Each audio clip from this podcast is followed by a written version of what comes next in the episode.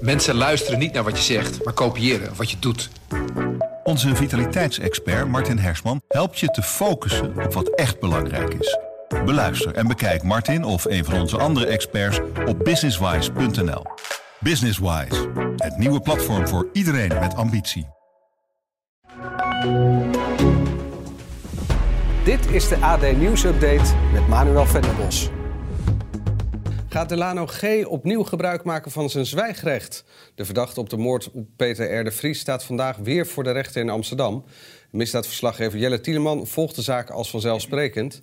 Jelle, is de kans groot dat Delano G. wel gaat praten vandaag? Nee, die kans lijkt mij eigenlijk niet zo heel erg groot. Uh, hij heeft uh, tijdens de eerste zitting eigenlijk zwijgen toegedaan. En uh, als ik het goed begrijp, gaat hij ook bij, de, bij de verhoren met de recherche zijn, zijn kaken op elkaar houden. dus dat, de kans dat hij er vandaag op een van zaken gaat geven, die is niet zo heel erg groot. Tijdens de vorige zitting stelde justitie veel bewijs te hebben dat Delano G. en zijn Poolse handlanger Camille E. de misdaadjournalist hebben vermoord. Wat weten we tot nu toe? Dat deze twee verdachten heel snel zijn aangehouden. Binnen het uur na dat Peter R. de Vries uh, werd neergeschoten in het centrum van Amsterdam, zijn zij op de A4 uh, uh, aangehouden. En daar werd eigenlijk meteen ook een, een bak aan bewijs gevonden. de achterbak van de auto lag een met DNA van beide verdachten. er werd een omgebouwd alarmpistool gevonden. Nou, dat dat, dat, dat omgebouwde alarmpistool is de Vries uh, dood te schieten. Uh, en er is in die auto ook eh, brandstof aangetroffen waarmee zeg maar, de vluchtauto in brand gestoken zou worden. Daarnaast zijn er nog allerlei camerabeelden waaruit zou blijken dat een van de allerlei voorverkenningen heeft gedaan. dus als je dat allemaal bij elkaar optelt, ja, dan is er eigenlijk overweldigend bewijs dat deze, ja, de twee van deze hebben gebracht. Ja, dan is er nog een tipgever. Volgens die tipgever stond Delano G. zelf ook op een dode lijst. Hoe aannemelijk is dat? Ja, dat is, dat is moeilijk om te zeggen. Dat is een tip die uh, Parool schreef daar afgelopen weekend over. Die uh, bij de geheime uh, inlichting is binnengekomen nadat hij was aangehouden. Dus zo goed hoe je dat moet inschatten. Is dat iemand geweest, die tipgever, die misschien deze Delano toch heeft willen helpen? manier uh, nou ja, toch een soort van uh, ja, vrij te pleiten is niet het goede woord, maar uh, aan te geven dat hij zelf ook onder enorme druk stond. Ja, of hebben we hier te maken met, met iemand uit eigen wil zich heeft aangeboden om zo'n moord te plegen? Ja, dat, dat, dat blijft heel moeilijk om daarachter te komen. Justitie verdenkt de mannen van moord in vereniging. Wat houdt dat precies in? Nou ja, dat betekent in dit geval dat, dat uh, zij beiden erbij betrokken zijn. En dat ze ook in, in onderlinge samenwerking ja, daartoe eh, zijn gekomen. Dus uh, ieder had daarbij echt uh, duidelijk zijn eigen rol. Camille zou volgens de justitie degene zijn geweest die de voorverkenning heeft gedaan, verstuurd. En waarbij Delano G. degene is geweest die daadwerkelijk de trekker heeft, heeft op juridische ja. om, om dat zo te noemen. En, en dat terwijl die Camille E. zegt dat hij zegt van ja, ik bestuur alleen maar het busje en ik wist niet eens wat er gebeurde. Ja, dat is wat dat, want hij vorige zitting wel uh, uitgebreid uh, de, tijd genomen om ook zijn verhaal te doen. Hij zegt, ja, ik heb eigenlijk helemaal niks mee te maken. Ik wist helemaal niet dat dit zou gaan gebeuren. Nou, er zou nu uh, nieuw onderzoek gedaan zijn waaruit blijkt dat hij vaker voorverkenning heeft gedaan. Nou, daar gaan we, als het goed is, over horen. En gaan we ook horen wat ja, die verklaringen die hij daarover heeft, wat die waard zijn. Ja, als ze dus wel hebben samengewerkt, wat voor straf kunnen ze daar dan voor krijgen?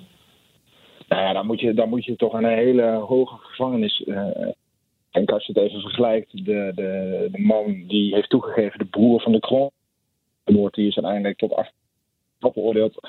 Uh, onlangs is uh, 30 gelegd aan de, twee mannen die volgens, het, volgens de rechtbank uh, Dirk hebben vermoord, waarbij levenslang was geëist door justitie. daar loopt nu hoge.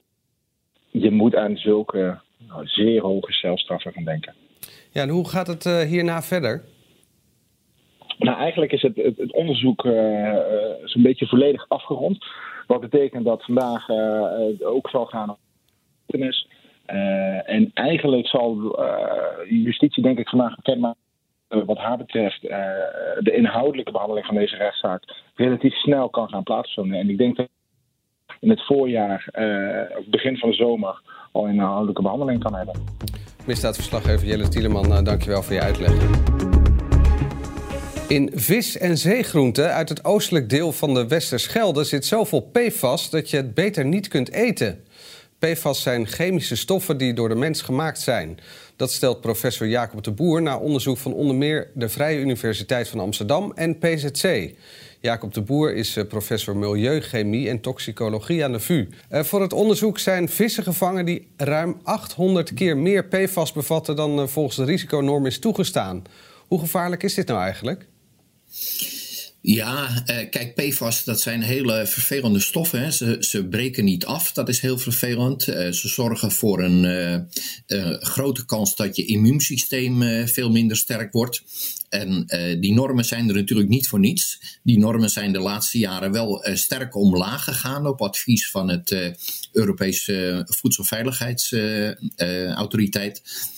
maar het betekent, kijk, het zit niet een beetje boven de norm, het zit er echt heel, heel veel boven.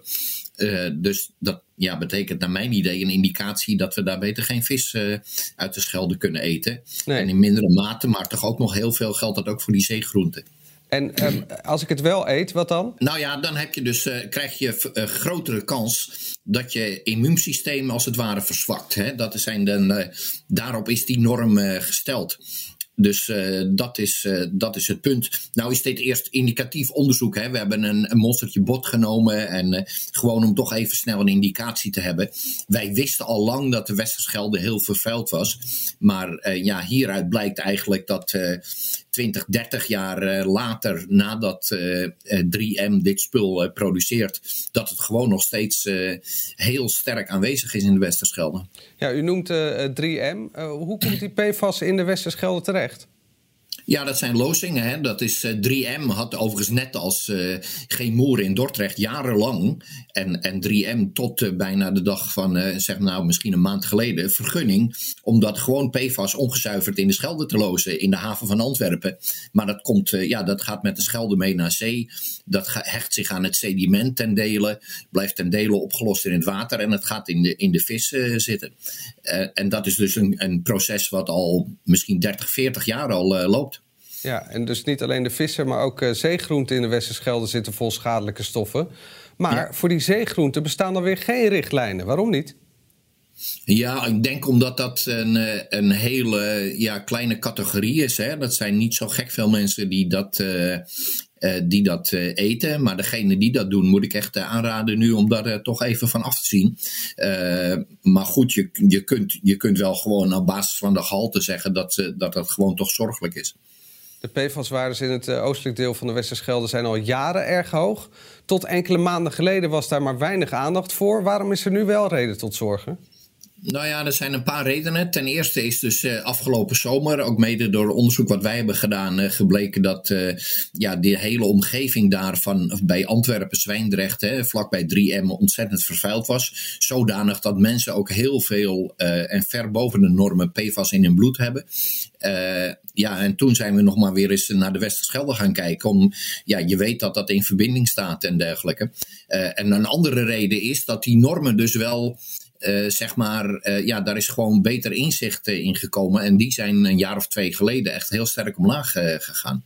Ehm, en dus daar heeft het ook wel wat mee te maken. Ehm, dus als je hele strenge normen hebt en je hebt een vervuiling die maar ophoopt door de jaren heen, ja, dan krijg je op een gegeven moment dit soort situaties dat iets honderden keren boven de norm zit. Maar ja, die norm is echt eh, door heel veel mensen getoetst. RIVM, eh, de, de EFSA, dus het Voedselveiligheidsinstituut van de EU. Daar is zo goed naar gekeken dat we daarvan uit moeten gaan. Ja, en dan kom je tot dit soort conclusies. En uh, is dit probleem nog op te lossen of is het gewoon nooit meer vis en zeegroente eten? Nou ja, ik vrees dat dat het laatste eh, toch een punt is. Want uh, dat een, een, mogelijke reële situatie, want je maakt de schelden niet zomaar schoon. De stoffen zijn ontzettend persistent. Dus het is werkelijk, het breekt niet af. Er is geen bacterie geïnteresseerd om de stof af te breken. Het enige is, als je dus wat meer naar open zee gaat, hè, dus het echte westelijke deel richting Vlissingen van de Schelde, dan krijg je wel door verdunning, krijg je dat daar, en daar zou dus wat beter onderzoek naar moeten worden gedaan. Ik begreep ook dat het RIVM dat in, de, in, de, in het voorjaar gaat doen.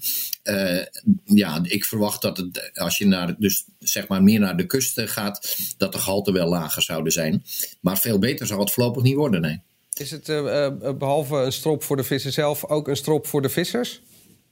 Nou ja, er is al een, een, aantal jaren eigenlijk geen beroepsvisserij meer op het oostelijk deel van de Westerschelde. Ik denk zelf dat dat mede door uh, verontreiniging uh, uh, zo is. Hè, dat er ook niet zo gek veel vis zit. dus voor beroepsvissers is het niet zo'n punt, want die zijn daar niet. Sluiten we toch nog een beetje positief af. Professor Jacob de Boer van de VU Amsterdam, dank u wel voor de toelichting. Italië scherpt de coronamaatregelen verder aan. Als je niet kunt aantonen dat je gevaccineerd bent of corona hebt gehad, dan kom je restaurants, bioscopen en stadions niet meer binnen. Angelo van Schaik is onze correspondent in Italië. Uh, Italië heeft al vrij strenge coronaregels. Waarom zijn deze aanvullende maatregelen nodig? Eigenlijk gewoon om te zorgen dat uh, zoveel mogelijk mensen gevaccineerd worden. Vaccinatiegraad is redelijk hoog. Hè? Boven de 12 is uh, eh, 85% van de mensen gevaccineerd.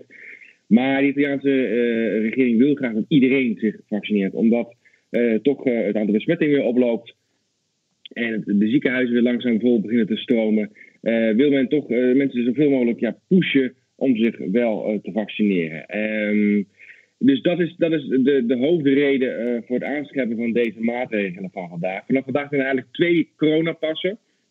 Een 3G en een 2G. Met een 3G dus gevaccineerd genezen of, of getest, mag je in het openbaar vervoer en, en, naar je werk. En met een 2G, zoals je zegt, mag je, ja, dus zonder dat je testen, dat je, dat je gaat testen, mag je eigenlijk alleen nog maar ja, naar het restaurant, naar een bioscoop, naar het stadion. Alleen maar als je gevaccineerd bent of genezen bent. Dus ja, de reden is eigenlijk om mensen ja, te vaccineren. Dat is eigenlijk het, de hoofdreden van deze nieuwe maatregelen. En wat betekent dit nou voor Nederlanders die bijvoorbeeld uh, willen gaan skiën of uh, op vakantie willen naar Italië? Hetzelfde.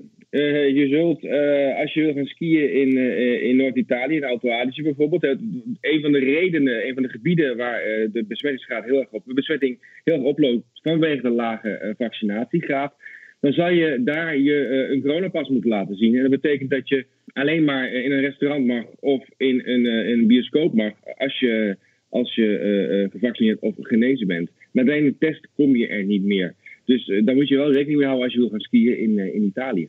En wat vinden de Italianen van deze maatregelen? Nou, het overgrote deel van de mensen vindt het eigenlijk wel oké. Er, er begint hier ook wel een, een, een, een, te ontstaan tussen de mensen die gevaccineerd zijn. Die zeggen, ja, wij hebben onze, onze plicht gedaan om de pandemie, pandemie af te remmen. tegen de mensen die maar hardnekkig blijven weigeren dat te doen. Um, en eh, aangezien ook het overgrote deel van de mensen die in ziekenhuizen en op de grote op de, op de um, IC's belandt, ook mensen zijn die niet gevaccineerd zijn, zeggen uh, de, de meeste Italianen, ja luister eens, uh, jullie moeten ook jullie steentje bijdragen aan het, aan het beëindigen van deze pandemie. Dus die mensen zijn het er wel mee eens. Ja, en aan de andere kant natuurlijk de mensen die niet gevaccineerd zijn, ja, die zijn het er niet mee eens. Maar je ziet wel een beweging van mensen die Um, die zich steeds meer laten vaccineren. De afgelopen week is het aantal eerste prikken met ruim 40% toegenomen. En er zijn natuurlijk de mensen die uh, elke week blijven demonstreren. Uh, zo in alle grote steden van Italië, zoals bijvoorbeeld Milaan, nu al bijna 20 weken. Elke zaterdag wordt er gedemonstreerd tegen de vaccinatie, tegen de Green Pass, zoals die hier heet. en mensen die op allerlei manieren aan de Green Passen proberen te komen, of via fraude op het internet. Of mensen die, zoals vorige week, de tandarts in in Biella in het noorden van Italië, die met een soort siliconen harnas naar het vaccinatiecentrum was gegaan om, ja, om te hopen dat de, de, de verpleegkundige ter plekke het niet zou merken dat hij een plastic arm had en dan vervolgens die prik daarin te laten zetten. Maar ja, hij werd wel gesnapt en wordt nu aangeklaagd wegens, uh, wegens misleiding en fraude. Ja, nou, plastic arm of niet. Het is al duidelijk dat het niet bij deze maatregelen blijft. Vanaf 15 december worden de regels opnieuw aangescherpt. Wat gaat er dan uh, gebeuren? Nou, niet, niet echt, echt aangescherpt. Het aantal mensen waarvoor nu een vaccinatieplicht geldt, hè, dus dat zijn uh, bijvoorbeeld uh, mensen in de gezondheidszorg en mensen in de ouderenzorg, die categorieën worden uitgebreid. vanaf 15 december zijn ook politieagenten, onder andere militairen, verplicht zich te vaccineren. En um, voor, de, mensen in de, gezondheidszorg en in de bejaardenzorg geldt dat, dat die verplichting ook geldt voor een derde prik, voor een boosterprik. Dus als jij wil blijven werken, in, uh, in, een, ziekenhuis of in een bejaardentehuis of als politieagent of als militair zul je vanaf 15 december drie prikken moeten hebben gehad. Of in ieder geval je afspraak hebben gemaakt voor die derde prik. En dat is wat er vanaf 15 december gaat gebeuren. Uitbreiding van de vaccinatieplicht voor een aantal uh, categorieën in het werkveld. Ja, daarover gesproken. Steeds meer Europese landen voeren een algehele vaccinatieplicht in.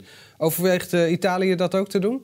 Daar wordt over gesproken. Daar wordt over gesproken, maar vooralsnog is daar geen politieke uh, meerderheid voor. En volgens uh, het ministerie van, het ministerie van, uh, van Gezondheidszorg ook nog geen aanleiding toe, omdat de cijfers nog redelijk gunstig zijn. gisteren waren er 15.000 nieuwe gevallen in Italië, dus dat valt alleszins mee.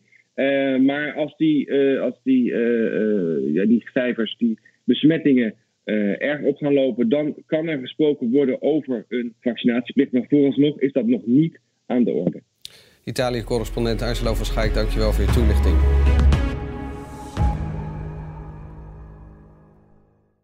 Loop jij rond met het gouden business-idee? Of het nu een winkel is, een app of een product waarmee je de wereld wil veroveren?